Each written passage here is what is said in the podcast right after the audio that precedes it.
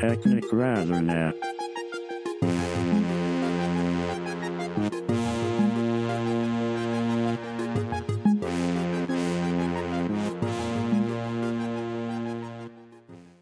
Så er vi på til 8. udgave af Teknokraterne. Uh, vi er faktisk kun to værter i studiet i dag.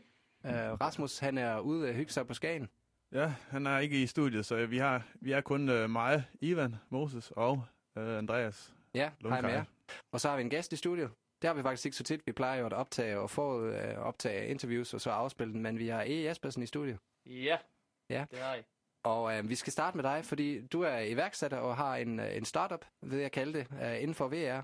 Um, og måske kan du selv sætte ord på, hvad det er, du har gang i. Jo, jamen, øh, jeg har en startup, og den hedder 8VR, kalder vi den. Og det er ikke 8 som i 8-tallet, det er 8 som i OTE. Øh, et ord af svensk afstamning. Okay. Det vil vi ikke komme nærmere ind på nu. Øh, men øh, jo, jeg har en startup, der hedder 8VR, som jeg startede for godt halvanden år siden. Øh, og det første, vi lavede i 8VR, det var et øh, projekt for Hammel Neurocenter. Det øh, blev kendt som VRIAT, Virtual Reality Intensive Arm Training. Og øh, det, som det handlede om, var, at det var et, man kan sige, det var et neurorehabiliteringsprodukt, vi lavede, øh, hvor patienter kunne træne deres arm og ligesom genvinde evnen til at bevæge deres arm normalt igen. Øh, og det gør det har de så gjort gennem spil, og de her spil, det er så dem, vi har udviklet ved øh, 8VR. Der forsøgte vi at skabe en platform, øh, som patienterne havde adgang til øh, gennem VR. Og øh, de her spil skal selvfølgelig være engagerende, de skal være sjove, og de skal være motiverende for patienten, så det bliver et bedre alternativ, kan man sige, til den traditionelle genoptræning på Hammel Neurocenter. Ja. Det var sådan, øh, 8VR fik sin start, men vi har siden da lavet nogle andre projekter, som, øh, som vi også kan tale om nu, men vi kan også tale om dem senere. Jeg ved ikke, hvad, om Ja, det er passende ja, vi for skal- jer. vi Nu skal i hvert fald- ikke at tale for meget. Nej, det er rigtigt, fordi vi har lige talt lidt sammen inden udsendelsen. Altså, vi vil i hvert fald gerne øh, holde noget af, af det gode guf tilbage, Ja. øh, fordi vi har nemlig også, øh, Rasmus og jeg, vi var forbi øh, det, der hedder Limitless VR i sidste uge. Det kan jo være, at der er nogen, der lytter, fordi de har set øh, den rigtig fine Facebook-video, som Rasmus har klippet sammen og lagt ud på vores Facebook-side. Ja, det skal vi nemlig også snakke om, men jo lidt senere vil vi gerne høre, hvad, hvad det nyeste er inden for 8VR. Og jeg har lige lyst til at nævne noget, fordi øh, det er så i dag den 8. udsendelse af Teknokraterne, ja. øhm, men de mest loyale lyttere, de vil nok godt vide, at vi engang hedder Homo Technologicus, Ja. og, og den gang var du nemlig Ege, øhm, den allerførste ja, gæst, kan vi godt sige, i vores program. Vi interviewede dig til vores første udsendelse. Øhm, og jeg kan godt høre, at vi, øh, ligesom formentlig også VR-teknologien, øh, er blevet lidt mere moden, fordi vi spurgte for eksempel øh, slet ikke til betydning af navnet 8VR, så det var da lige godt at høre øh, lidt mere om det. Lige, Ja, jeg blev lige også lidt overrasket, da han sagde det. ja, lige præcis. Um, så det er kun godt. Men jo, vi skal høre mere om 8VR lidt senere. Um, du er jo så også med, fordi du har ekspertise inden for VR, um, og så bliver vi nemlig også rigtig glade til at høre fra dig senere ved, um, ja, eller jeg kan faktisk lægge ud og spørge, altså det sted, vi har været forbi, det hedder Limitless VR, og det ligger på Frederiksgade. Kender du til stedet? Jeg kender til stedet. Har øh, været inde på deres hjemmeside også, også inde på deres Facebook-side og set, hvad konceptet ligesom går ud på. Jeg synes, det er vældig tiltalende, øh, og er ret træt af, at jeg ikke har været dernede og prøve det endnu. Der har været en del snak inden for 8VR's regi, at vi skal derned og prøve det øh, Ja. ja. hurtigst muligt. Det er helt sikkert. Men I har været så heldige at være, at være dernede, så heldige at være dernede allerede, så der må jeg indrømme, at jeg er lidt misundelig. Um, altså det, det kan jeg også anbefale, så meget kan jeg jo sige. Um, men vi var simpelthen også nysgerrige. Altså vi, vi, vi skammede os uh, en lille smule her i Teknokraterne, fordi det var faktisk ikke engang os selv, der opdagede, at stedet var der. Og vi tænker, at vi følger så godt med inden for den digitale verden og teknologi, og har den her fokus på, hvad der foregår i Aarhus. Jamen, det er ikke, vi har ikke styr på det hele. Der var lige en lille overraskelse der. Nej, nemlig. Og så var der nemlig nogen, der sagde til mig, at jeg ved godt, at der findes det her øh, Virtuality Café, og jeg fik sådan ideen i mit hoved om, at man sidder et sted og nyder sin kaffe, mens man måske får et uh, Samsung Gear eller et eller andet på, så man kan uh, lege, at man drikker sin kaffe på Hawaii eller et eller andet sted, men, men det viste sig så at være lidt forkert. Det er faktisk lidt af et andet sted. Um, altså, de er mere Virtuality Café, som man tænker sig internetcafé som eksempel. Så for, i stedet for, at man går og smider en 50'er, eller hvad det koster for at få en times internetadgang, eller hvordan det må have været i slutningen af 90'erne, starten af, ja. af det her årtusind, så er det simpelthen, at man betaler for en halv times uh, VR-oplevelse uh, hos dem. Ja, vi kender jo, vi kender jo EF fra vores egen oplevelse. Øh, fra, nede i Nygaard kælderen, hvor vi også var nede og prøvede noget virtual reality. Øh, men det var, det var noget lidt, noget lidt anden, lidt anden måde at, at prøve det på, som I var nede og prøvede det i, i torsdags. Hvordan, øh, hvordan, vil, hvordan vil du sige, det adskiller sig fra den der oplevelse dengang? Um, altså noget, som vi så også kommer ind på, når vi, når vi afspiller um, ja, vores interviews med de, jeg kan jo godt lige sige, hvem grundlæggerne af uh, Limitless VR er. Der har vi Jeppe Sofman, og Asbjørn Wohnsen. Um, og de havde faktisk begge to fødselsdag. Jeg kan ikke huske, om det var i går eller i forgårs, men de uh, blev begge to... Uh, uh, nej, det er faktisk ikke rigtigt. De blev ikke samme alder. Men uh, Jeppe, han blev 23, og Asbjørn, han blev 25 lige her i weekenden, så der lyder lige en tillykke herfra. Ja, tillykke med det. Ja. Tillykke. Um, og det synes jeg faktisk var rimelig dejligt, at de to, uh, som havde den her idé til det her internetsted, at ja, de så også har tilfældigvis fødselsdag på samme dag. Ja, Så det, var, kan det det var jo- meant to be. Ja, men uh, for at komme tilbage til dit spørgsmål, så, um, så var det særligt nok noget af det udstyr, det har, som Ja. nemlig ikke er udelukkende uh, at have et headset eller VR-briller. Uh, de har lidt mere, og det kan en lille smule mere. Men jeg synes, vi skal lytte til det, og um, ja, og så kommer vi tilbage til det. Yes. Jamen Limitless, det er en, øh, en moderne netcafé. Et sted, hvor folk de kan komme og få en, øh, en på oplevelsen, men man er en gruppe unge drenge på 12 år, eller familien med tre generationer, der skal ud og have en oplevelse. Så det er et alternativ til at tage en tur i biografen, eller tage en tur på go-kartbanen, eller i forskellige andre forlystelser. Man kan sige, at vi har maskinerne, øh, og så kan vi selv bestemme, hvad content vi putter i, øh, så vi egentlig kan tilpasse oplevelser til, til folk med helt vidt forskellige smag. Ja, som vi kan høre, så, øh, så øh, ser de sig meget inden for det her med, øh, ja, altså de beskriver sig selv som øh, et sted, man kan gå til, i stedet for at gå i biografen, for eksempel. Øh, de ser sig inden for øh, underholdningsindustrien. Ja, det er jo også øh, lidt anderledes, anderledes måde at betragte det på, fordi ellers er det jo meget, øh, har det været en del af gamerindustrien. Men det, som underholdning, det er jo lidt en anden måde at anskue det på. Ja, altså man kan også game hos dem og spille hos dem, men igen, altså de siger med, at de konkurrerer med biografer, for eksempel, Ja, okay. eller med en forlystelsespark med Tivoli. Ja. Um, det kommer de også ind på, men man kan jo godt lige sige, at Jeppe og Asbjørn, de har været gode kammerater i over fire år, um, og de beskriver sig selv egentlig bare som to gutter med en særlig drive. Um, det, de har ellers ikke en uddannelsesmæssig baggrund inden for øh, ja, noget med det dig- digitale øh, computerspil eller noget øh, som dandur, um, og de havde simpelthen bare øh, ja, øh, en, en god idé til at komme i gang, øh, lidt ligesom du er, um, og, og ja, øh, laver den her virksomhed um, om virtual reality. Hvor meget, er der meget programmering in- involveret i sådan noget med, med virtual reality? Skal man have, kunne øh, noget programmering? Jamen, øh, det kommer jo faktisk an på, hvilken form for virtual reality du øh, vil begive dig ud i og producere.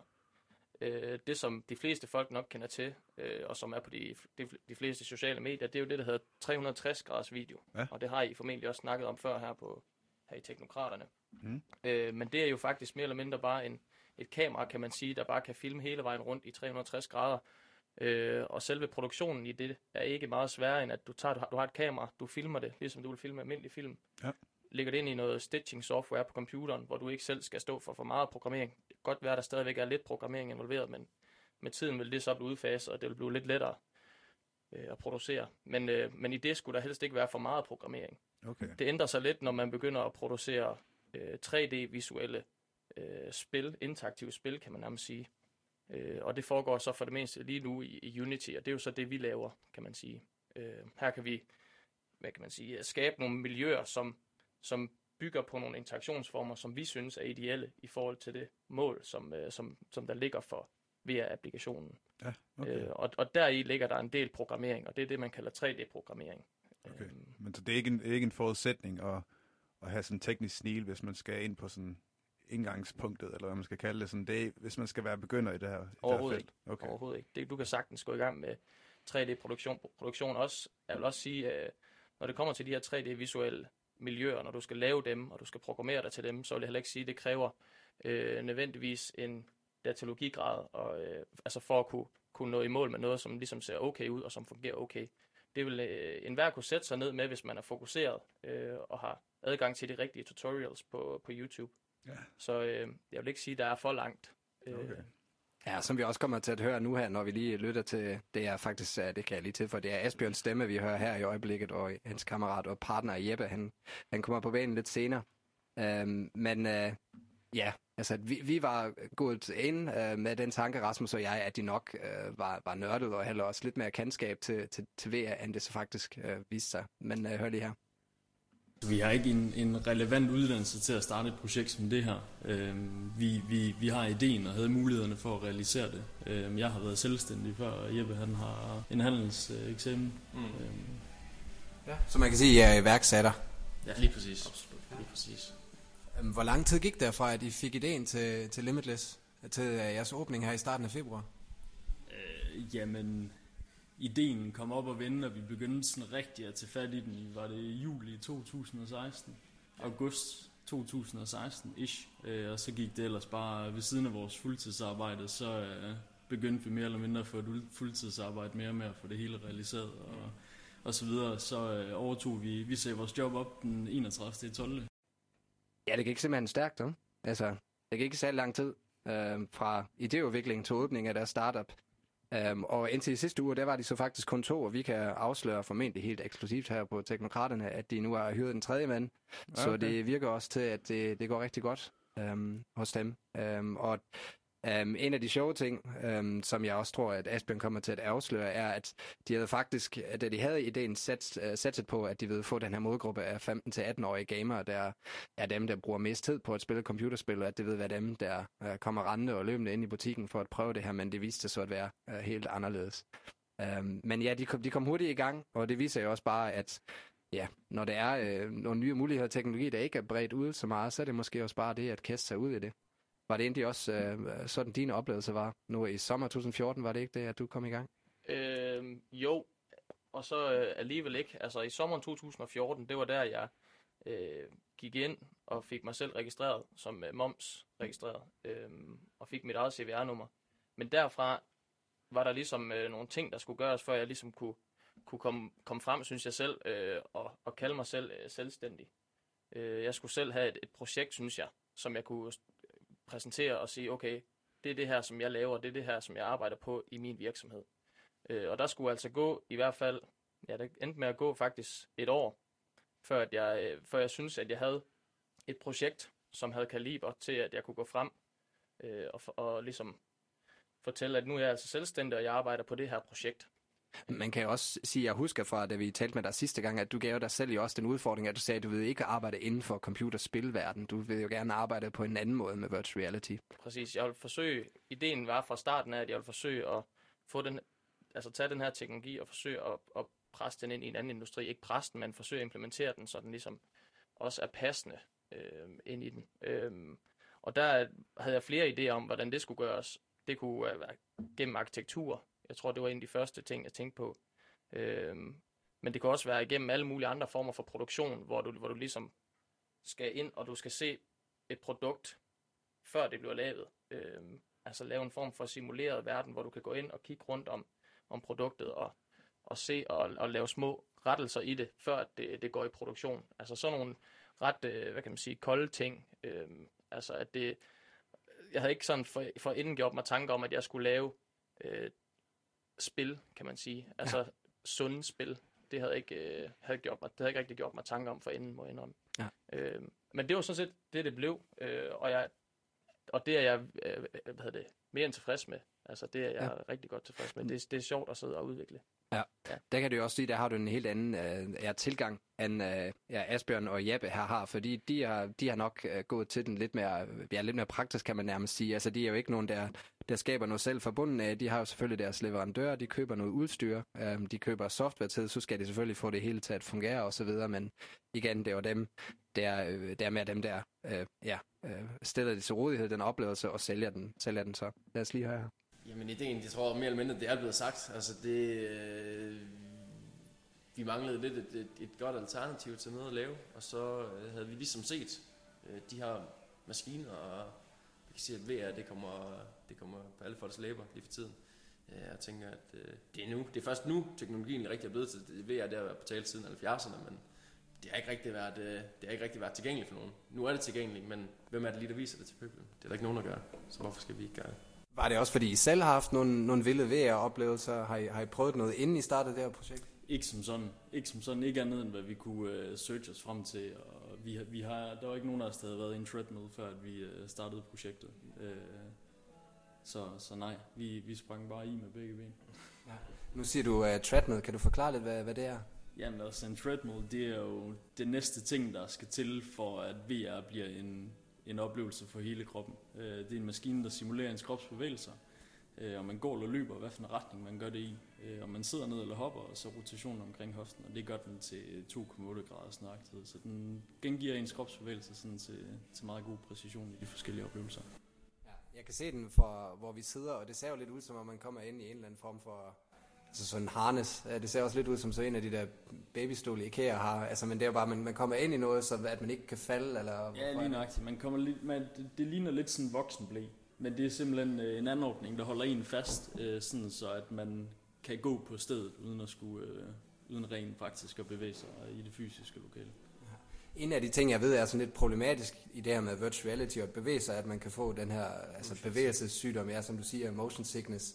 Altså forhindre den, den her øh, med at man, at man får det? Det er meget, meget forskelligt fra person til person, hvordan man håndterer øh, den her VR-oplevelse. Øh, ligesom at der er nogen, der kan få det dårligere at komme i viften og se en 3D-film, så er der også nogen, der de første par gange kan blive lidt utilpas af at komme ind i øh, en virtuel verden. Det, det sker, og som det ser ud lige nu, der, der er der ikke så meget, vi kan gøre for at, at, at ændre på det. Det er meget en vanesag, øh, og man kan hurtigt vende sig af med den her motion sickness. Øhm, har I, har jeg oplevet, altså mange tilfælde af der, har det været, altså en gang imellem er der nogen, der oplever det?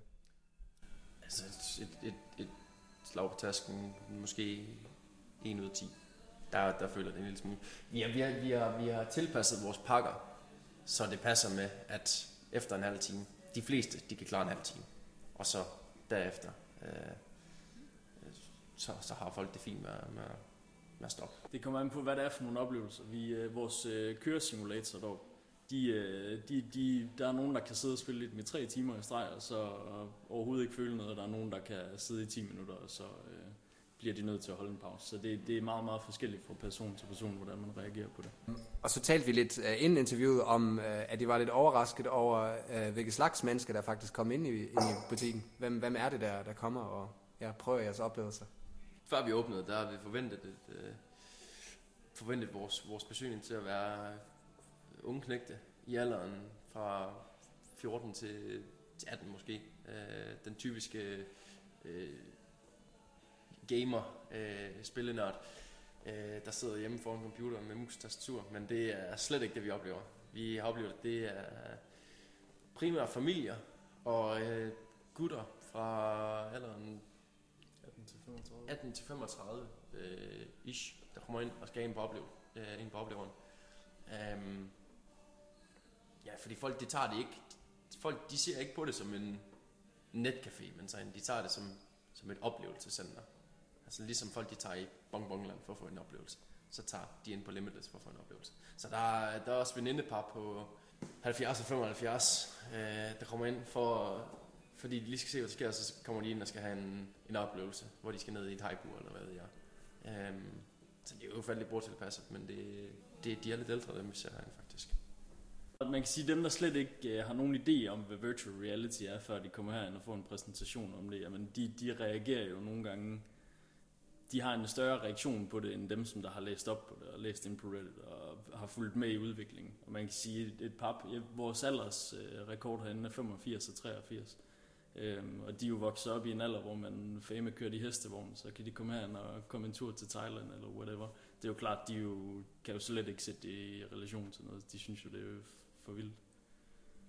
Kan I sætte, nu har I talt om oplevelser og forskellige pakker, kan I øh, beskrive lidt, hvad det er for nogle forskellige uh, service, services, I tilbyder, eller indhold, som I øh, tilbyder? Øh, jamen, vi, øh, vi har lige introduceret en visuel øh, pakke, hvor folk de kan komme ind og få en visuel oplevelse, hvis de slet ikke kender til virtual reality. Det er blandt andet de her på 70-80 år, de synes, det er skægt.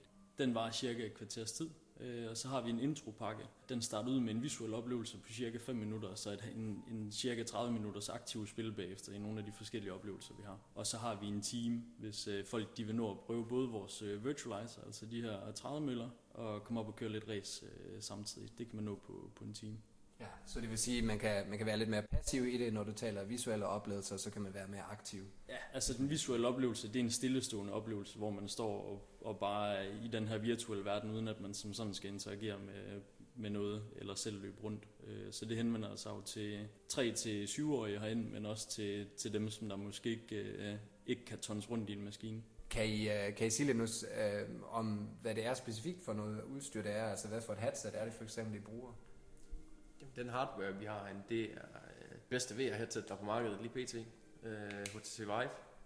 Øh, det er det headset, der kører bedst øh, movement detection, øh, når man skal bevæge sig. Øh, og dertil så har vi de her specielle virtualizer, som de hedder, de her 30 eller treadmills, som vi var inde på lidt tidligere. Treadmillsen, dem øh, er der cirka 100 eksemplarer på verdensplan, hvor vi så har seks af dem i vores øh, shop her. Øh, så det er meget, det, det er meget specielt, at det står her lige i Aarhus. Vi er det eneste sted nord for Italien, hvor, de har, hvor den hardware står. Hvis man skal prøve den her type VR, så skal det være hos os. Det er jo selvfølgelig lidt der, vi, vi skiller os lidt ud fra, fra andre VR-center. Der findes andre VR-center, også i Danmark. Men der er ingen, der kan levere en lige så fuld immersive øh, oplevelse, som, som vi kan give herinde. Så I vil også sige, at hvis man nu tænker, at jeg kan jo også gå ned til igen og købe en Google Cardboard, og så kan jeg opleve noget af det derhjemme. Det er ikke lige det samme. Overhovedet ikke. Overhovedet ikke. Uh, det vil være skam at sige. Uh, nej, altså du, men, men, men, men får sved på panden, og man, uh, ja, man bevæger sig lige så meget, som, som, som hvis man skulle spille en fodboldkamp næsten, når man uh, tager sig rundt i vores uh, skydespil og skal give den gas sammen med gutterne. Uh, så står man i hver sin maskine, vi kobler dem alle sammen sammen, og så kan man simpelthen se hinanden, ligesom i de gode gamle Counter-Strike-spil. Uh, grafikken er selvfølgelig, uh, grafikken er selvfølgelig ikke helt ligesom, ligesom det nye Counter-Strike er, men sådan er det med alle VR i PC. Til vores hardware-del, der har vi selvfølgelig også vores, øh, vores øh, Playstation VR, som er koblet til vores køresimulator, så man kan komme op og sidde og, og give en gas øh, med ret og pedaler foran sig. Så sidder man jo øh, i kabinen af den her, øh, om det er en Ferrari eller en, en Fiat Punto, man har lyst til at køre i, så kan man, øh, så kan man selv vælge der. Øh, og så kan man kigge sig bagud over skuldrene og orientere sig, hvor den anden, der sidder ved siden af en, hvor han ligger i forhold til en selv. Så det er meget specielt. Der sidder på motorer i, i rettet, der gør, at hvis du kører over en sten, så kan du mærke det. Øh, så det er meget, meget, det, det føles meget rigtigt, når man sidder deroppe altså sådan rent setup-mæssigt, øh, så, så, så er det bare, Playstation er et nemmere setup at håndtere. Øh, og hvis vi som i, i forretningen skal kigge på det, jamen, så, så var det den bedste løsning for os, øh, både pladsmæssigt, øh, men også hvor nemt det er for folk at, at komme ind i det. Man kan sige, fra et consumerbrug, jamen Playstation VR koster cirka det halve af HTC Vive. Øhm, opløsningen er god, men knap så god, som den er i HTC Vive. Øhm, men det kræver et helt andet setup, øh, så, så PlayStation VR er den bedste løsning for, for vores køresimulator i butikken. Det kan godt ske, at det viser en lidt, en lidt lavere opløsning i forhold til HTC Vive. Men grundet, der sidder så mange udviklere og udvikler på spillet derop til, så er, er oplevelsen derop til øh, rigtig, rigtig gennemførte. De er lige så gennemførte, som når man sidder og spiller et af de gode gamle spil til, til, til Playstation, jo. Øh, hvor der er, en, der er en rigtig god storyline, og der er sådan ting, så her, hvor der er mange spil til at survive, hvor det er mere sådan de individuelle øh, udviklere, der kommer på banen her. Hvor det kan også ske, at opløsningen er højere i HTC survive headset, men oplevelserne er, er måske mere gennemført over på Playstations. Øh, så der er både der er pros og cons ved, ved, ved begge dele. Og de er, øh, bruger som sagt HTC Vive headset øhm, i kombination med de her såkaldte treadmills, som vi talte om. Um, og jeg prøvede jo en af dem. Ja, du havde en af dem øhm, på. Hvordan, hvordan ja, var det, Andreas? Ja, altså Asbjørn beskrev den jo lidt som en, en uh, voksenblæ, og det kan man ja. også godt sige. Altså ja. man skal lige, uh, man tager skoene af, fordi uh, den fodmåtte, hvis man vil kalde det det, eller den sensor, som man bevæger sig på, den er lidt uh, sårbar åbenbart over for folks sko og så videre, så man, man tager sådan en overtræksko på, så træder man ind i den her slags voksenblæ. Um, og vi, vi talte lige uh, om det, uh, mens det her klip kørte, at det er jo også lidt uh, ens vægt, øhm, der formentlig påvirker sensoren øhm, sammen med øh, ja, øh, fødderne, øh, så at softwaren, at spillet kan genkende, i hvilken retning man bevæger sig, i hvilken retning man drejer sig osv. Ja. Øhm, det, det virker intuitivt nok, at man, at man kan finde ud af at bevæge sig rundt, men det er igen, altså det er, man, man skal som lytter ikke forestille sig, at man går rundt, øh, og at det er bare ligesom, altså man går ud på gågaden. Um, det er ikke lige på den måde. Altså, det er, okay. Jeg vil beskrive det som, som, som en rimelig tung moonwalk på ja. en eller anden måde. Altså, man, man gnider med, med fødderne og gulvet, og man... Men øh, ja. hvad, hvad gør det for sådan immersion? Er du, føler du, at du er mere... Øh... Altså nu, hvis jeg for eksempel sammenligner det med den sidste oplevelse, jeg havde også med, med HTC Vive, for det var jeg nede ved, ved ODVR, der fik vi uh, de her controller i hånden, ja. og så skulle man klikke, altså trykke på en knap ved controlleren for at bevæge sig frem i rummet. Igen for at undgå det, som vi også talte om i det her klip, den her motion sickness. Um, at man simpelthen, at kroppen bliver desorienteret, når man bevæger sig med hjælp af en controller og kommer frem i den, den verden. Og det skulle man jo så ikke. Altså på den måde bliver det lidt mere realistisk, at man bevæger sig frem med sin krop. Ja. Øhm, Men så oplevede det... du noget af det sidst, øh, første gang vi gjorde det ved, sammen med, med E, at oplevede du noget motion sickness? Nej, men det var jo også netop, fordi man egentlig er forholdsvis statisk. Altså man, man klikker så med den knap på controlleren, og så springer man ligesom frem i rummet, ja. der hvor man har peget, øh, på det sted, man har peget med controlleren. Her kan man bevæge sig lidt mere flydende. Det er stadigvæk mærkeligt, fordi man ved godt i ens krop, at det er altså ikke sådan, jeg ved bevæge mig nu her. Og nogle gange kommer jeg altså også til at løbe ind i øh, væggen lige ved siden af døråbningen. Øh, ja. Selvom jeg egentlig følte, at ej, jeg, jeg, altså, jeg ved godt, jeg bevæger mig gennem døren. Hvorfor hænger jeg fast der? Hvorfor kan jeg ikke komme videre? Uh, og det var lidt irriterende, og det hæver mig også lidt ud af den her immersiveness, af den, af den her indlevelse i spillet. Altså, jeg prøvede uh, det, det samme, som Rasmus prøver i vores fine promoveringsvideo, hvor han har den her gyser. Altså, Rasmus var fuldstændig genblødt af sved. Det var virkelig helt vildt. Um, det var også, at både Asbjørn og Jeppe, de kunne komme hen til mig, mens jeg filmede og viske i mit øre og sige, om 10 sekunder, om 10 sekunder, og det var også lige præcis der, så gik ja. der 10 sekunder, og så stod Rasmus der og bare, fuck, fuck, nej, jeg skal, jeg skal ud nu, jeg, jeg, jeg gider ikke mere. Jeg, ja, okay, så for ham, det. så var det en, øh, en ret øh, en oplevelse, som hvor han følte, at, han, at det var ægte, eller hvad man kan sige. Ja. I, i, i, I den grad, også ja. fordi han prøvede det før mig, så da jeg prøvede samme gyserspil, så vidste jeg, at jeg skal forvente, at man bliver skræmt, at man bliver forskrækket. Um, men hvis vi, hvis vi kommer tilbage til, til Limitless VR, um, øhm, så um, er en af de problemstillinger, de, de har dernede i forbindelse med den her Tradmed, er, at der som sagt er ikke, ikke er så mange offentligt tilgængelige. Altså jeg mener, det var Asbjørn, der sagde, at der, de er 100 styk. Um, og der er faktisk uh, ellers ikke nogen nord for Italien her i Europa, uh, anden hos Limitless VR, men det gør så også, at spiludviklingen, de fremstiller ikke lige så mange spil uh, til den forholdsvis eksklusive kundekreds her, og de siger så som tommefinger, tommefingerregel, altså hvis man for eksempel tænker, at det er så fedt, det skal jeg prøve ofte at besøge Limitless VR, så skal man altså kun regne med en ny oplevelse uh, hver måned. Um, og vi prøvede igen, øh, kun ganske kort, jeg ved ikke lige, hvor længe øh, man kan være inde i gyserspillet for eksempel. Altså det var sådan en klassisk øh, slags spøgelseshus, man bevæger sig igennem, og så dukkede der nogle små øh, zombie-agtige børn op øh, ud, af, ud af det mørke rum, eller nogle, nogle døre blev smækket bag ved os, lige efter vi var gået igennem dem, ja. og så videre. Men jeg kan også tilføje, at vi selvfølgelig havde høretelefoner på, um, og det var sådan nogle noise cancellation høretelefoner, og det betød altså også virkelig meget. Mm. At man netop, altså, jeg vidste godt, at Rasmus står lige uh, måske en halv meter foran mig og filmer mig, men jeg kan jo ikke se ham. Jeg ser jo kun den virtuelle uh, verden, det virtuelle uh, lag rundt omkring mig. Jeg hører de lyde, som, jeg, som stammer fra softwaren, fra spilleroplevelsen, og så altså, kan jeg bruge min krop til at bevæge mig frem i det. Uh, så på den måde uh, mistede jeg hurtig orientering om, hvor Rasmus befinder sig hen, ved, altså hvor jeg overhovedet er henne uh, i ja. hvilket rum, og det går så op for en igen, når man så tager VR-brillerne af. Hvad med sådan visuelt? Hvad ser det også? Ser det, hvordan ser det ud? Ja, altså vi er jo stadigvæk der, hvor øh, man man tydeligvis er bevidst om også, når man er derinde, at jamen, det er computerspilgrafik. Okay. Altså, det er ikke, ikke sådan, at det bliver så realistisk, at man på den måde bliver fuldstændig fortabt. Men igen, sanserne bliver stimuleret nok, de forskellige, altså høresansen, øh, det man kan se, og så øh, samtidig med øh, det taktile med, at det er mine fødder, der bevæger sig, og spillet reagerer. Det mm. gør selvfølgelig noget, at man, at man godt kan fortabe sig i det. Jeg fik så Um, også den anden slags oplevelse, fordi hos Limitless VR, der kan man uh, på den ene side købe en spilleroplevelse, og så for eksempel dyst med, med sine venner i et skydespil, eller prøve de her, det her gyserspil, som er en, en solo- eller single-player oplevelse. Okay, det, det er de tre muligheder, der er lige pt. Ja, du, okay. kan, du, kan, du kan spille sammen med venner, du kan, du kan spille alene, ellers så kan du få det, som er en ren visuel oplevelse, og det prøvede jeg også. Um, ja. Og der var jeg under vandet, jeg mener i det her promoveringsvideo, tjek det ud på Facebook, uh, på vores Facebook-side, Teknokraterne, hvis I ikke har uh, fået set det. Der uh, filmer vi også uh, computerskærmen, der viser, hvad jeg oplever inden for uh, virtual reality-verden, og der uh, er jeg under vandet. Jeg ved ikke, om du har prøvet den, uh, men uh, der er med den kæmpe store blåval, der kommer rigtig tæt på en. Jo, The Blue, mener jeg. The Blue, ja, ja, ja. Det, det, det er rigtigt, uh, vil du sige.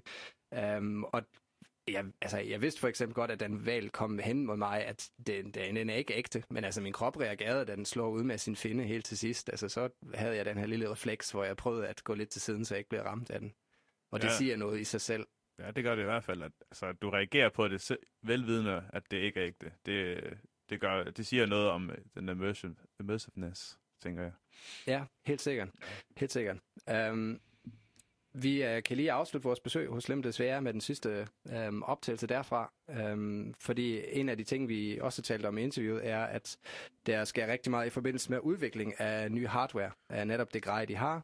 Øh, der var nemlig også, at de, øh, Asmus, øh, Asbjørn og Jeppe fra øh, Limited de vil gerne opgradere, og vi talte lidt med dem om, hvad det for dem betyder som virksomhed, også at teknologien jo hele tiden øh, ja, øh, måske ikke er et skridt foran dem, men i hvert fald øh, bevæger sig hele tiden og skifter sig hele tiden, og hvad det for eksempel betyder for dem, at de nok ikke bare kan sige, at jamen, nu har vi købt den grej, vi har, og nu kører forretningen bare, og vi behøver ikke at, at skifte og gøre noget andet. Absolut, det bliver vi nødt til at være. Øh, man kan sige, med den teknologiske udvikling, der er, så er det ikke sikkert, at butikken, som den ser ud nu, vil have eksistensgrundlag om, om seks år. Men det er også derfor, at alt det content, der kommer, det kommer vi til at få. Øh, når der kommer ny teknologi, så kommer vi til at udvide med den. Øhm, I løbet af sidste kvartal 2017 regner vi med at have en, en vest, der øh, gengiver, hvis man bliver skudt i forskellige spil. Øhm, så, så det er sådan nogle tiltag, vi løbende kommer til at tage, og vi er, vi er helt med på, hvad der rører sig i forhold til udviklingen, øhm, og tager en vurdering af, hvad, hvad vi skal udvide med øh, ud fra det.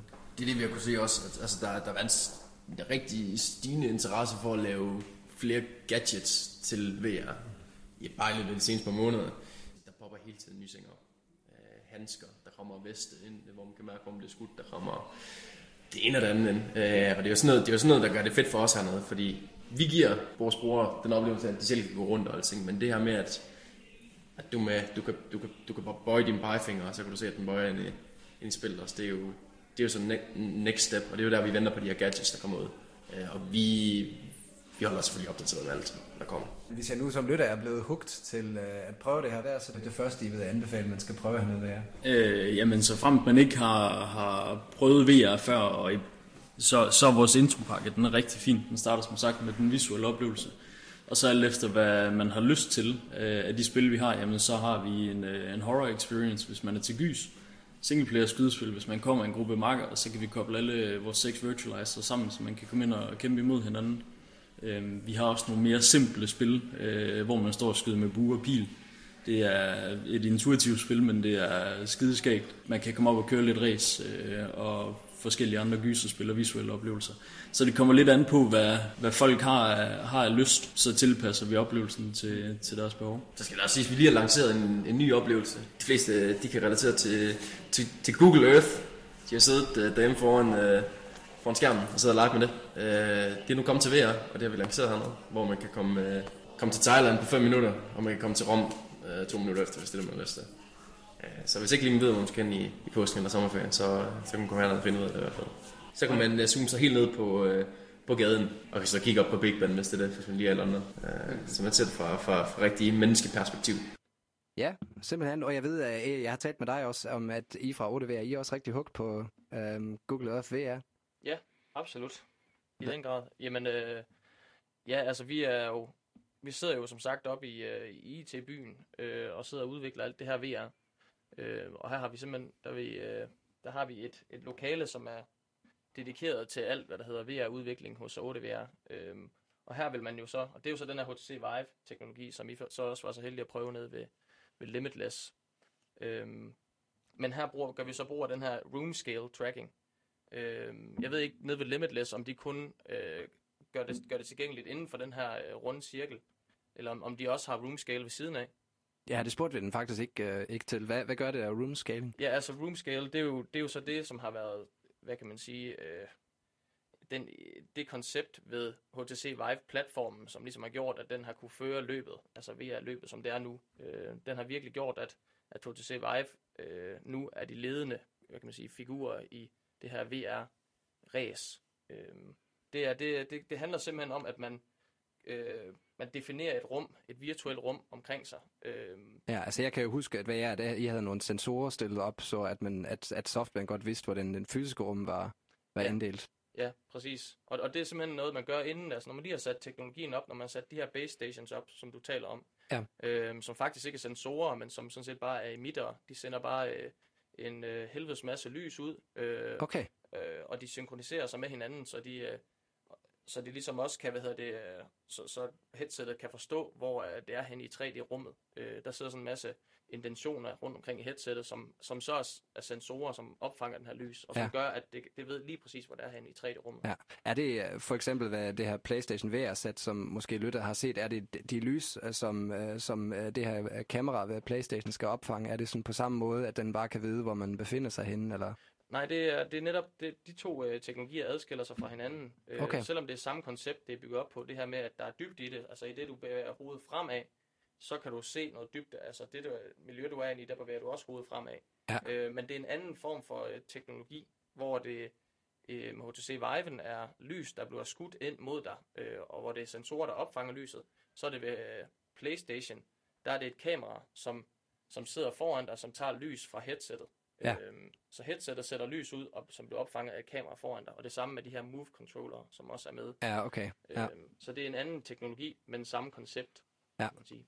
Men ja, vi, bruger, øh, vi gør brug af det her room scale tracking, øh, og her kan vi definere et rum på cirka 3 gange 5 meter, også større end det endda. Øh, og det er så det rum, som definerer øh, det virtuelle rum, du bevæger dig indenfor, med de her controller, som bevæger sig så umiddelbart, at du faktisk kan kaste og jonglere med controllerne Ja. inde i VR. Øh, så godt, så godt øh, fungerer den her teknologi altså. Øh, men ja, vi forelsker os i det her Google Earth VR, fordi man kan jo gå rundt, man kan jo tage nogle skridt i de forskellige retninger, øh, og man kan stikke hovedet helt ned til jorden, ikke? Øh, og når jeg siger stikke hovedet ned til jorden, så mener jeg selvfølgelig jorden, vi står på, men også den jord, som du befinder dig i, i det virtuelle miljø. Øh, og det er altså en, en virkelig øh, vild oplevelse, at kunne stikke hovedet helt tæt på Domkirken nede i, øh, i Aarhus, og, og sætte fingeren nærmest om på toppen af den, øh, og så tage til Paris bagefter og gøre det samme ved Eiffeltårnet, og så stikke direkte øst på, og så øh, smutte til Korea og, og øh, hvad hedder det, se der, der skader i, ikke øh, pulserer i, i nattens lys. Øhm, så øhm, ja, altså VR, Google Earth VR, som jeg mener det hedder, øh, er en vild applikation. Øh, og det er faktisk også, det står også på listen som yndlingsapplikationen for flere af 8VR's, hvad kan man sige, 8VR-folk. Ja, fedt. Så hvis lytteren de gerne vil prøve det, er det noget, man bare kan hente i Googles App Store, eller hvad? Hvis man har en af de her Google Cardboard for eksempel, så, så kan man prøve det. Eller kræver det noget særligt hardware? Den oplevelse, som jeg snakker om, det er til HTC Vive-platformen, så der skal Okay. man have den her teknologi. Den kan du få i Elgiganten til 7.300 Ja, danske kroner. Og, øhm, men altså, Google Earth VR, øh, og det som også hedder Street, VR, Street View, kan du bruge øh, i Cardboard. Øhm, og det er også en, en god applikation, den er også sjov nok. Øh, men altså, hvis man har muligheden for det, synes jeg klart, man skal bruge, prøve den i den her øh, med, med HTC Vive, klart. Jamen så, øh, ja, altså hvis man ikke lige har de der 7.300 kroner, så kan vi jo afrunde vores øh, besøg hos Limitless ved at sige, at um, så kan man i hvert fald tage en smut forbi øh, dem, fordi der betaler man øh, ja, en, øh, et, et, et meget mindre beløb, lad os sige det, for at, for at prøve en, en halv time. Uh, og igen, de tilbyder forskellige pakker, hvis man ved mere, ved mere om dem, så lægger vi i vores show notes uh, link til deres hjemmeside ud. Ja. Og jeg kan også afsløre, at de, um, ja, de, de har uh, en gang imellem har de nogle st- tilbud til studerende. Hvor er det, de er øh, til studenter. De ligger på Frederiksgade. Frederiksgade, yes. ja. Uh, men det kommer ud i vores show notes, ja. Ja. så uh, kan I læse lidt mere uh, om dem. Lad os sige det.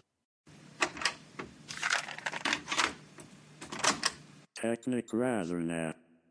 Yes, men nu skal vi vente lidt tilbage til 8VR, um, fordi du har, uh, du har nærmest afsløret det en lille smule, um, og sagt, at de er lidt flere. Um, hvor mange er I egentlig nu uh, i virksomheden? Jo, jamen altså, vi er, som det er lige nu, øh, tre digitale designer, øh, så er vi en audiodesigner, og så er vi en datalog. Ja. Og er det, altså, er det folk, der er, der er fuldtidsansat? Er de freelancer, deltid? Hvordan hænger det, Det, det sammen? hvad hedder det, øh, altså meget af det arbejde, som, som blev gjort i 8VR, og øh, sådan set også meget af mit eget arbejde, er, foregår på frivillig basis stadigvæk. Ja. Øhm, vi er alle sammen studerende, øhm, og har vores SU at falde tilbage på. Øhm, og vi ved også, at vi er alle sammen klar over, at det her VR, det er stadigvæk, øh, de tager stadigvæk sin spæde skridt. Så vi ved også godt, at der ikke nødvendigvis er så mange penge at hente i industrien endnu. I hvert fald ikke for nogen, som er så nye, øh, og som kommer med sådan nogle applikationer, som, som faktisk, som man ikke rigtig kan se så mange andre steder. Øhm, Ja. Og som der heller ikke er noget data, kan man sige. Altså, der er ikke nogen ting, der fortæller os. Øh, vi, kan ikke, vi kan ikke sætte nogen folk i en retning, hvor de kan finde noget information, som siger, det, som vi laver her, det fungerer bare. Ja. Øhm, så, så vi er også godt klar over, at, at der måske skal gå lidt tid endnu, før at vi kan leve højt på at have valgt den her, øh, den her øh, produktionsstil. Øhm, så ja, vi er alle sammen mere eller mindre frivillige. Der er øh, enkelte øh, aspekter i øh, 8VR's arbejde, som, som er lønnet, men det er, det, er, det er mere symbolsk, vil jeg sige, end det er en reel løn. Er det så er det nogle, nogle beskæftigelser, nogle, nogle, nogle roller, I spiller, som har relevans i forhold til jeres uddannelse, eller er det bare rent øh, sådan autodidakt? Er det noget, I har lært jer selv? Jeg vil sige, at de fleste roller er faktisk øh, forholdsvis øh, solidt dedikeret af, hvad, vi det er, hvad det er, man studerer. Ja. Øh, vores audiodesigner studerer audiodesign i til byen. Øh, de øh, digitale designer, vi, øh, vi, vi er i 8VR, de også, har også studeret digital design og, og ved meget om feltarbejde og feltstudie og konceptudvikling og, og sådan set også produktionen, den tekniske produktion, produktion men også den teoretiske øh, viden øh, inddragelse. Ja. Øhm, så øh, vi er vi er en broet flok, og vi, vi, jeg vil sige, vi reflekterer okay øh, vores, øh, vores studie, og det, som vi egentlig er interesseret for, og det, som vi har vores daglige gang i. Det lyder jo, lyder jo som om, det er, det er som jeg, øh, eller som er den, øh, den, den største udfordring måske lige nu er mest det der med, at øh, er det nærmest at, at overbevise folk om, at, øh, altså, at det, I tror på, den teknologi kan, at den så faktisk også kan det. Altså, øh, for eksempel folk fra sundhedssektoren om, at øh, det er en, en innovativ og, og sjov og kreativ og, og ja, altså playful øh, måde at, at, at, at tænke genoptræning for eksempel. Ja, altså, man kan sige, vi, lige, i, i den situation, vi er i lige nu, der er der flere forskellige grupper af mennesker, som vi så skal overbevise, overbevise om, at det her det er en god idé. Altså, og lige nu sidder vi, de, de to tydeligste grupper er jo investorerne, og så er det brugerne, eller det vil faktisk ikke sige de endelige brugere, men nærmere øh, institutionerne, som skal bruge det udstyr, som vi, øh, vi nogle gange udvikler. Ja. Øhm, og investorer vil høre noget helt andet, end en institution vil høre. Øhm, institution er klart mere in- interesseret i effekten af, hvad man kan lave, altså som på et, pers- ja, på et ikke personligt plan, plan, men altså et mere øh, praktisk plan, altså hvordan kan det afhjælpe, hvordan kan det være mere effektivt i forhold til de processer, som vi allerede, som der allerede eksisterer. Ja. Øhm, hvor en investor nok vil være mere interesseret i øh, produktet, altså som sådan, og hvad, altså hvad, hvordan vil det her produkt kunne udvikle sig, og hvad, hvilke potentiale holder produktet. Øh, og hvis man i nogle tilfælde, så vil, eller i mange tilfælde vil en investor også være meget interesseret i tallene, som ligger bag et produkt, og hvordan at tallene kan udvikle sig over tid. Øh, og øh, ja, altså, så der er forskellige ting, som de forskellige øh, grupper gerne vil høre. Øh, så det, og det er også det, vi sidder og, og øh, hvad hedder det, bruger meget tid på nu. Det er simpelthen at gøre os klogere på, hvad er det, vi skal fortælle? Hvad skal vi, hvad skal vi komme ud og sige nu, når vi står over for den her forsamling af mennesker? Hvad for noget vil de høre? Hvad for noget vil de ikke høre? Ja. Og jeg synes, det vi kommet rimelig langt med. Nu har vi jo så været til den her Careware-messe, som, øh, som der, der går i år, Aarhus her hvert, hvert eneste år. En øh, årlig øh, messe, hvor alle mulige virksomheder, som beskæftiger sig med sundhedsteknologi, de kan komme og udstille. Øhm, og så kommer der så en masse beslutningstagere, terapeuter og alle mulige fagfolk forbi messen og ser de forskellige teknologier. Ja. Er det, er det i marts måned, eller hvornår er det? Er det? Jamen det var jo lige her sidste ja. uge jo faktisk. Nå, sådan. øh, Det, det lyder og noget som, som noget, vi i teknokraterne burde, burde dække. Careware, det lyder, det lyder fantastisk. Og der, er- sådan er der faktisk rigtig mange ting, vil jeg sige, i Aarhus, men også i hele Danmark, som, som bare kan løbe ind forbi næsten. Altså, det, Ja. ja. Der er ikke så meget gennemsigtighed, synes jeg, øh, med sådan nogle arrangementer her. Ja. Øh, jeg synes også, jeg synes det, i forhold til den, det format, som, som der var bag Careware-messen, så synes jeg også, det fortjent en, en del mere omtale, end det, end det egentlig får, fordi det er faktisk nogle, nogle rigtig, rigtig fede teknologier, der, der blev præsenteret der. Altså, nu taler jeg ikke om vores eget, men jeg, jeg havde også så heldig at se alle de andres, og Ja, Og jeg- ja hvad, hvad lagde du mærke til der? Jamen altså, nu står jeg i, i lokale med, hvad hedder det, en anden gut, som faktisk arbejder med mere eller mindre det samme som os. Ja. Øh, som vi, vi arbejder med, vi har udviklet en, en, øh, en VR-applikation til fysioterapeutisk behandling af borgere. Øh, og her har vi fokuseret for det første på borgere med skuldersmerter. Ja. Og der var en anden gut i det her rum, som også har lavet en, en robot, var det så den her gang, som kunne hjælpe borgere, der har skuldersmerter, øh, og hjælpe dem i deres løft. Så den ville simpelthen løfte armen for dem. Øh, og så var der nogle, nogle andre, som også var i samme rum, som havde, det var noget helt andet, ikke? Øh, et helt andet måde at tænke på sundhedsteknologi. Det var en vest, du kunne tage på, hvor du kunne påføre forskellige vægte. Så, for, så den ubalance, du har i kroppen, den ville ligesom blive udlignet, så Ja. du kunne få en bedre øh, gang, øh, der du kunne, der, der du ville opnå en bedre ergonomi, øh, ved at have den her vest på, hvis du har problemer. Det lyder rigtig godt. Jeg får Øhm. altid at vide af min bedre halvdel derhjemme, at jeg hænger, altså, at mine skuldre, de hænger altid nede. At jeg skal Ja. indtage en bedre holdning. Sådan nogle øh, vægte der vil være rigtig godt. Og, og der, der var meget af det, der virkede sådan helt, hold da kæft, det sgu da noget hokus pokus, det der, hvordan kan det virke? Og, og sådan må folk jo også tænke lidt om, om os. Øh, Ja. hvordan, hvordan skal det her VR, hvordan skal det nogensinde kunne redde verden? altså, hvordan skal det kunne erstatte, det- erstatte den traditionelle behandling? Ja. Øh, men altså, jeg, jeg må indrømme, jeg var totalt overbevist, fordi de, det der så er på Kærvej-messen, det er jo, at man kan få lov til at prøve de her teknologier, og hver gang, at de fik den der vest på, så virkede det fandme. Ja. Folk, de øh, kunne mærke en kæmpe forskel, og det samme med ham her, der stod med, Ja, med robotarmen, Ja, ja. altså, det fungerede for dem. Ja, Øhm, det lyder også som rigtig god motion. Altså, jeg så behøver jeg ikke længere at gå ud og løbe en tur, så tager jeg en eller anden form for exoskelet på, som løber for mig. Eller? ja, men øh, man, skal, man, skal, man skal næsten se det, og det, det er så desværre et meget eksklusivt øh, arrangement. Man skal betale en sum penge for at komme ind og se det. Ja. Øh, Altså, det, det, det lyder jo nærmest, altså, at, at modsigende, altså, at- fordi, altså, hvis det handler om, at man gerne vil, vil fremme og altså, sprede budskabet om de forskellige ting, der sker, at man så ja, altså, er lidt det, det, indelukket. det, det henvender sig nok til det her med, at man gerne vil øh, forsøge at gøre det rimelig øh, stringent, altså hvem der er, der kommer ind og ser Ja. det. Øh, fordi at det nytter ikke noget, at der, at der, de vil nok ikke have, at der, op, der kommer sådan en støj, kan man sige. Altså af folk, som, som bare er interesseret i at se det, men som ikke rigtig kan træffe en beslutning om, man skal købe det, eller man ikke skal købe det. Ja. Øhm, fordi det er jo det, man i sidste gang gerne vil med Kawa-messen, det er, at man vil gerne match øh, kunderne med, hvad hedder det, øh, med, hvad hedder det, produ- produ- producenterne. Godt, så vi skal huske, Ivan, vi skal ind undercover, hvis vi vil Ja. det næste år.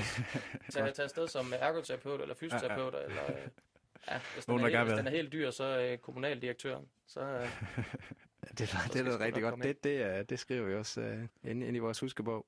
Jamen, det er virkelig, det er virkelig spændende omkring den her, den måde, man bruger teknologien til at, til at helbrede på. Jeg havde også blandt andet læst omkring øh, et såkaldt, det såkaldt øh, Blue, Blue Room. Jeg ved ikke, om du har hørt om det før. I, uh, ja, det er, det, det er noget, man bruger til at, at, at helbrede børn med, med autisme. Øh, fordi det er Altså ikke, helbred, i hvert fald. Ikke helbrede, men hjælpe ja. dem, ja. ja. Ja. Undskyld, ja. ja, ja. Det er rigtigt. Øh, hvor man så går ind i et lokale, altså det er ikke, den er ikke, øh, det er ikke sådan der fastsat til, til sådan at, at putte noget på hovedet, eller fordi altså, dem man gerne vil helbrede, det er personer, som ikke har så glade, de er ikke så, de er ikke så godt ved at have noget på hovedet. Øh, så teknologien er, at man går ind i et lokale, og så er det sådan, det man lige frygter, eller det man prøver at helbrede, eller det man prøver at hjælpe personen med, det, øh, det er en del af den her virkelighed, øh, som man går ind i. Øh. Men det er jo altså, det er bare, Men det er- det er bare et eksempel på, Ja. hvordan... Øh, Så der, vi, vi, vi talte om det lidt inden udsendelsen, det, der er vi måske hen i det hjørne, der, der så hedder augmented reality. Ja, altså augment, der, ja, det er i højere grad augmented Ja, reality, så, men så de kommer ind i, i et rum, hvor et, et scenarie bliver, lad os sige, simuleret for eksempel med et digitalt lag. Ja, præcis. Øh, og så det, i de fleste tilfælde er det, er det en, baseret på en frygt, og det, at de så står over for det, den frygt, og i en simuleret virkelighed, gør jo, at man, man, man øh, bliver bedre tilpas med den. Øh, så det, på den måde er det, jeg synes virkelig, det er en, en spændende måde at begribe det her øh, fænomen, at det ikke bare bliver gaming og, og spil og så videre. Og det er også, altså, du sagde det selv, at vi i øjeblikket kun ser de her, de her små skridt inden for den teknologi, fordi jeg husker også, at øh, da vi havde vores udsendelse om virtual reality sidste gang, for nu knap et halvt år siden, der talte vi også om sådan nogle områder som journalistik for eksempel, og jeg ved også, at der er dy- dygtige journalister derude, og de laver 360 graders videoer fra flygtningelejre i Syrien, Mm. øh, krigen i, øh, i, i andre områder og, og så videre, men det er rigtigt nok, altså det er ikke, det er ikke at man oplever, at det, at det virkelig har altså, spredt sig bredt af nu. Altså, og hvis vi vender tilbage til Limitless VR, så er det jo også meget interessant, at folk er meget nysgerrige. Så når de så kommer i kontakt med det, vil de gerne, vil de gerne ind og se og kigge, kig på, hvad det er. Men det er, øh, det er ikke lige sådan heller ikke med PlayStation VR. Jeg husker, at vi spåede sidste gang, at nu vil det virkelig øh, finde sin vej ind i rigtig øh, mange folks hjem og sådan noget, men det, det viser sig måske også, at de der 3.000 kroner, som det setup koster, måske også stadigvæk er smertegrænsen, hvor man siger, okay, så får man lidt spilleoplevelse og sådan noget, men Ja. øhm, Og hvis, Altså- det bliver, og hvis det bliver ringere end det, så går det også så meget ud over kvaliteten, jeg tror måske ikke nødvendigvis, at det tiltrækker flere brugere, at det, hvis det ikke er den ordentlige VR-oplevelse, så tror jeg ikke nødvendigvis, at det er positivt, Ja. at man får lov til at prøve det. Så jeg synes stadigvæk, det er spændende. Jeg, jeg tror stadigvæk på det, at det, det kommer til at blive mere populært. Um, og jeg tror, at, at VR og augmented reality for den skyld, at de kan samme eksistere, at de simpelthen er bare forskellige teknologier. Men um, du talte om de her forskellige grupper, altså kunder, investorer og dem, der, der eller øh, lad os sige, patienter er det jo, og de institutioner, der arbejder med patienterne. Hvor, hvor, altså, hvor synes du selv er det nemmest at få hul igen? Altså, I har sikkert prøvet det med nogle patienter. Hvordan reagerer de for eksempel? Jo, altså vi har... Nu skal jeg også øh, huske at, at fortælle, hvad det er, vi, vi sidder og arbejder med, fordi at nu har jeg flere gange lige nævnt det, bare lige kort. Men altså det, Det- som, det vi, som vi sidder og bruger øh, meget af vores tid på lige nu, er udviklingen af et, en applikation, vi kalder Gonio VR. Øh, og det er sådan set også den, vi så arbejdede på sidste gang, vi snakkede sammen. Der havde vi bare ikke et navn til den. Ja, hvad siger øh, du, det Øh, hedder? Gonio VR. Ja. Øh, det kommer af goniometer, øh, okay. som er en, en ledmåler, man bruger på traditionel måling af, af led og smerter i led. Øhm, Så, Men- så for at se, hvor, hvor, hvor, hvor meget bevægelighed man har og så videre. Ja, okay. præcis. Inden, inden det gør ondt, eller altså inden det Ja. gør for meget ondt. man kan sige, at den, den måler jo ikke smerte som sådan, men den laver i hvert fald, altså patient vil jo så fortælle, øh, Ja. hvornår det gør ondt, og så vil terapeuten så tage hen og, og fø- påføre goniometeret, og så se, okay, det er den her grad, hvor patienten føler smerte. Ja. Men ja, vi, øh, vi tyvstjal, det er det navn der til vores produkt, øh, som, ja, som hedder Gonio VR, og det handler jo så om, øh, som jeg sagde kort tidligere, at øh, genoptræne skulderen. Øh, og i, i det her øh, hvad kan man sige, system, eller i det her produkt her, der kommer du først ind i et miljø, hvor du skal måle din skuldersmerte. Du kommer ind i et miljø, som til, til dels minder om øh, et rum ved en fysioterapeut. Ja. Øhm, og herinde vil du skulle måle din skuldersmerte, og efter du har foretaget din måling af skuldersmerten ved at bevæge armen stille og roligt op langs siden, så vil du senere kunne se på tavlen lige ved siden af dig, øh, helt, den helt præcise måling, altså ved hvilken grad følte du smerte. Og øh, på sigt, efterhånden som du har lavet flere målinger, øh, så vil du kunne se en form for udvikling, om du har fået en mindre smerte end øh, tidligere, eller om det er gået den anden vej. Hvorfor har I valgt, at det skal se ud som, som hos en fysioterapeut? Er det simpelthen for at gøre det gen- genkendeligt for patienterne? Præcis. Og, øh, og det handler jo også om, at vi skal, vi skal lære vores brugergruppe at kende. Øh, og det har vi jo så gjort gennem øh, ham her Jesper, som er manden, vi arbejder sammen med om det her produkt. Jesper ja. han har en klinik på Sjælland, som hedder Ascentfys. Og vi to, 8VR og Ascentfys, er jo så gået sammen om det her produkt, der hedder Gonio VR. Og øh, ja, efter du så har fået foretaget den her måling, og du har kunne se din, øh, din øh, smertegrad, kalder vi den, så kan du øh, gå ind i et, en aktivitet. Øh, og den her aktivitet er jo så et spil, som du kan engagere dig i. Øh, og det her spil, er, det specielle ved det er jo, at, at øh, det er jo faktisk en behandling, der er kamufleret i det her spil. Så du kommer ind, og du skal have, i spillet påføre en ring på sådan en stang, som bevæger sig mod dig. Og den her stang, den er altså kalibreret fuldstændig i forhold til din højde, din armslængde, og hvor du har afsat din øh, smertegrad. Øhm, og, og det er jo simpelthen det smarte, og det er jo, det er jo derfor, man i sidste ende har, eller vi i sidste ende har valgt at, at lave det her produkt. Det er fordi, vi kan se en kæmpe stor værdi i, at man kan lave total præcis og øh, brugervenlig rehabilitering. Øhm, og lave det langt mere præcist end den traditionelle behandling. Ja. Øhm, og samtidig også gøre det mere øh, overskueligt for en patient, men også for øh, selve fagpersonen, altså terapeuten, at se, okay, gør vi fremgang her? Fordi al information bliver jo gemt i systemet, så vi kan jo, lidt ligesom alt det her snak der om big data, vi kan ligesom trække, lave et mønster i det og se, okay, bliver smerten mindre over tid, eller bliver den øh, værre over tid? Ja. Øhm, og hvad for en aktivitet, som brugeren engagerer sig i, hvad for en hjælper mest på, ja. øh, på smertegraden. Hvad siger, hvad siger patienterne selv om, om det her spilificeringselement? Altså det med, at man kan lave genoptræning og have det sjovt, mens man gør det. det, altså, reaktionerne er, er klart positive. Vi har jo prøvet det på, på flere patienter på Ascentfys. Øh, flere patienter har indvildet i at være med i de her tests, som vi har, vi har lavet. Ja. Øh, og det er jo en unik mulighed som softwareudvikler, eller som, som, øh, som udvikler til sundheds, øh, sundhedsvæsenet. Fordi det er jo ofte, man vil jo ofte forsøge at gøre det, at man vil, man vil skåne patienten, man vil forsøge at skåne brugergruppen, Ja. fordi at de er jo forvejen syge, de Ja. har jo. Ja. en eller anden skavank, et eller andet, som, som er til last. Og det er jo det, vi er interesseret i at hjælpe dem med. Men altså, hvis de kommer ind i en prototype, som det jo er, det er jo ikke et færdigt Ja. produkt, og, øh, og ligesom gør skade på dem selv, så er det jo ikke en fed situation at stå i, som hverken udvikler eller som personen, der skal stå og guide personen derinde i VR, altså terapeuten. Ja. Er det, er det øh, på sigt meningen, at det bliver et produkt, som patienterne så kan bruge i deres egen hjem, eller er det altid meningen, at de så befinder sig øh, et, et sted hen, hvor der er en eller anden, der kan, der kan tjekke, at det bruges rigtigt, eller hvad er tanken der? Det er vores klare ambition, at det skal hjem til folk i sidste ende. Men vi anerkender, at HTC Vive-platformen, den er ikke klar til at komme hjem til folk endnu. Ja. Den, er ikke, den er ikke billig nok, og den er for omstændig at sætte op. Ja.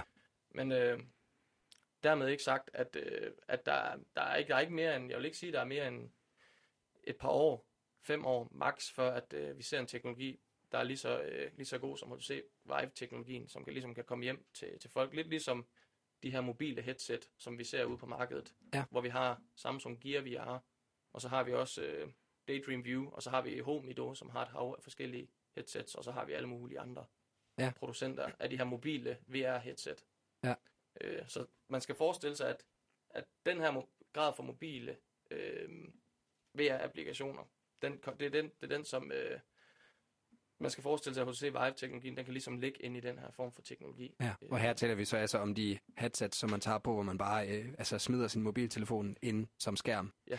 Um, og så har det på. Det gør selvfølgelig også, at man så for eksempel kan, kan, kan have noget på, der er trådlys, mens HTC Vive er jo forbundet med en ledning til Præcis. en computer. Ja, som selvfølgelig også gør noget. Og det her, det her bliver selvfølgelig bare en, din vurdering, øh, men hvor, hvor, hvor langt er vi fra det punkt, altså hvor det bliver hvermands eje på samme måde som en, en telefon er, eller kan, bliver det nogensinde det? Ja, det mener jeg, det gør. Jeg mener, det bliver et værmandseje. Og, øhm, altså, og det, det tror jeg også kommer til at... Jeg ved ikke rigtigt, om jeg... Jeg, jeg synes egentlig ikke, jeg er helt enig i, i det her med, at de siger, at øh, hvad det, PlayStation VR, at det er, den ikke nødvendigvis slår igennem. Jeg synes Ja. sådan set, at det er i hvert fald det, jeg har erfaret. Mange af mine venner, jeg ved ikke, om det er, fordi jeg er udvikler VR, og jeg Ja, er meget ja, men interesseret det er jo rigtig her. godt at høre et Men andet jeg, jeg, perspektiv. Mine, mine øjne, de, øh, de er i hvert fald øh, de er slået ud, når jeg hører folk som snakker om VR, og jeg har altså hørt øh, rigtig mange mennesker snakke om det her PSVR, og også mange, som jeg faktisk slet ikke havde tænkt ville begive sig ud i VR-verdenen. Ja. Øhm, så bare, bare det, at man, man får øh, nogle enkelte tusind mennesker med på vognen, det gør jo, at, at ordet spredes, og hvis det så er en god oplevelse, som de ligesom kan dele derigennem, ja. så går det jo endnu hurtigere. Så, så man kan selvfølgelig ikke, jeg vil også ønske, at de 10 millioner eller 11 millioner, eller hvor mange P, hvad det, PlayStation 4 ejere der er derude, at de køb, alle sammen købte den. Ja. Men, øh, men som du siger, det er jo, det er jo stadigvæk en slat penge, man skal lægge. Ja. Og, er, og hvis man ikke er helt overbevist om, VR det nu er kommet for at blive, så kan jeg godt forstå, at man ikke køber det. Men altså, som, som jeg kan se det, så tror jeg faktisk stadigvæk, at PSVR har gjort et rigtig godt stykke arbejde i at få, få VR hjem i stuerne. Ja. Øhm, Men Det- jeg, jeg, ser, jeg ser en klar mulighed, en god mulighed for de her mobile VR. Altså, Ja. ja. det Ja. kommer til at tage fart. Ja. Det, er også, det, skal, det skal være det sidste ord herfra. Um, og man kan jo også sige, at um, noget, som understøtter det, som, som du siger, at uh, Asbjørn og Jeppe fra Limitless VR, altså de har jo haft den samme holdning og sagt, at det jo der begynder altså at røre sig noget, og det spreder ja. Ja. sig. Det er jo netop derfor, de har åbnet deres, deres butik. Ja. Um, så tak, fordi du var med i studiet i dag. Jo, Øhm, det var så lidt da. Ja. Ja. Vil du ikke lige give din, din Facebook og sådan noget en shout-out? jo, det kan jeg godt. Vi har der en Facebook-side, øh, og den hedder jo bare 8VR. Øh, det er ret simpelt. Øh, Ja. ja. OTE-VR. Så går der derind og, og like den, så, så, så får I de uh, nyeste nyheder. Yes. Og vi lægger det selvfølgelig også ud i vores show notes. Um, så uh, vi siger på gønnet herfra. Ja, på genlyd.